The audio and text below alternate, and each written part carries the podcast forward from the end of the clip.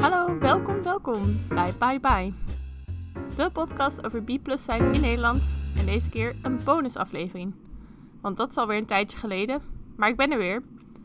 Achter de schermen ben ik druk aanwezig met nieuwe thema-afleveringen, onder welke de beloofde aflevering over B plus mannen. Maar nu even een korte aflevering om jullie zoet te houden. Afgelopen maand kwam er namelijk bericht over het grote B plus onderzoek. In opdracht van B plus Nederland hebben onderzoekers een survey afgenomen onder 3000 mensen van 16 tot 55 jaar.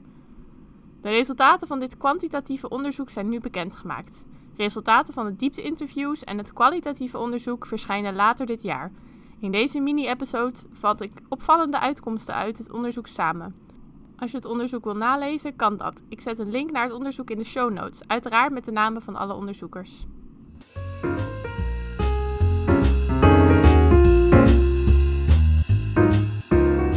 Het is heel belangrijk om dit soort onderzoek te doen en de B-gemeenschap zo verder in kaart te brengen. In veel onderzoeken naar seksuele oriëntatie wordt B genoemd als biseksueel en vaak gegroepeerd met homoseksuele en lesbische personen. Dit terwijl er duidelijke kwesties zijn uit eerder onderzoek die B-personen aangaan, vooral in de categorie van mindere mentale gezondheid ten opzichte van de rest van de regenbooggemeenschap, die waarschijnlijk wordt gedreven door het ervaren van discriminatie en geweld. Natuurlijk betekent dat niet dat elke B-persoon dit ervaart. En onderzoekers nu zijn vooral geïnteresseerd in hoe de monoseksuele norm de B-gemeenschap beïnvloedt. En of dit een verklaring kan zijn voor bijvoorbeeld de mindere mentale gezondheid van B-mensen. De monoseksuele norm is de norm dat je op één gender moet vallen. En dat aantrekking tot mindere genders niet serieus kan genomen worden. Ik licht in deze bonusaflevering kort toe wat mij opviel aan de resultaten van het onderzoek.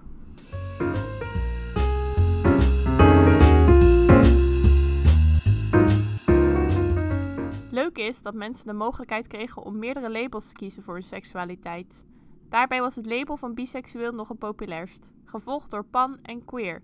En uiteraard kon iemand dus ook deze drie labels tegelijkertijd gebruiken. Doe ik ook. Daarbij was er een erg grote groep die seksuele aantrekkingskracht ervaarde ongeacht gender. Toch zijn er veel verschillen te verkennen in seksuele of romantische aantrekkingskracht.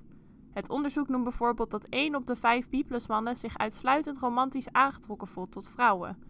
Dit bevestigt iets wat wij B-plussers al lang weten, namelijk dat je variatie in je aantrekkingskracht kan voelen tot verschillende genders, of deze totaal achterwege kan laten. Het laat ook zien dat de ervaring van B-plus personen niet in een hokje is te vannen. En ik snap dat en daarom veel B-plus mensen het label of het hokje graag achterwege laten. In ervaring met de monoseksuele norm, die gemeten werd op schalen van geïnternaliseerd stigma, bi-negativiteit, dat zijn stereotypes en vooroordelen over B-plus mensen, onzichtbaarheid en extern stigma, waren er verschillen tussen drie meetgroepen. Bij B-plus mannen was er meer sprake van geïnternaliseerd stigma, maar minder bi-negativiteit. Misschien komt dat ook omdat B-plus mannen minder uitgesproken zijn over hun oriëntatie. Bij vrouwen en non-binaire of genderfluïde mensen kwam juist bi-negativiteit meer voor.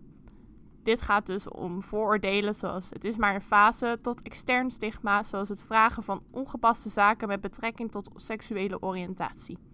Er is dus werk aan de winkel en er is vanuit alle groepen vraag naar meer zichtbaarheid en het serieus nemen van B-plus oriëntatie.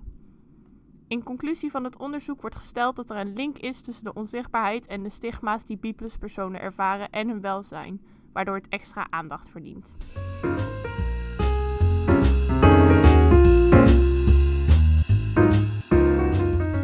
Dus, het is duidelijk dat B-plus mensen een diverse groep zijn met heel veel verschillende ervaringen, relatiestructuren en voorkeuren die niet in één hokje te vannen zijn. Een maatschappij waarin dat wel wordt geëist is dus niet voordelig voor ons welzijn. Daarnaast creëert dit onzichtbaarheid voor B-plus personen, wat niemand wat goeds doet. 82,9% van B-plus personen wil dat hun seksuele oriëntatie serieuzer wordt genomen. Tijd om daar iets aan te doen, met meer B-plus rolmodellen, meer zichtbaarheid en een B-plus inclusieve samenleving, zonder de monoseksuele norm. Ik draag graag mijn steentje bij met deze podcast, maar als je zelf ideeën hebt of initiatieven, laat me dit weten. Stuur me een berichtje op de Instagram, byebyepodcast, of een mailtje naar byebyepodcast.gmail.com. En zoals altijd, dank aan Biplus Nederland voor het uitbesteden van het onderzoek. Ga vooral zelf even naar biplus.nl om leuke en informatieve blogposts over Biplus zijn in Nederland te lezen. Dat was hem weer, de bonusaflevering. Laat me je weten wat je vindt van het onderzoek. Vielen er dingen op? En wil je nog meer van dit soort informatieve afleveringen? Je weet me te vinden. Tot de volgende aflevering. Bye bye!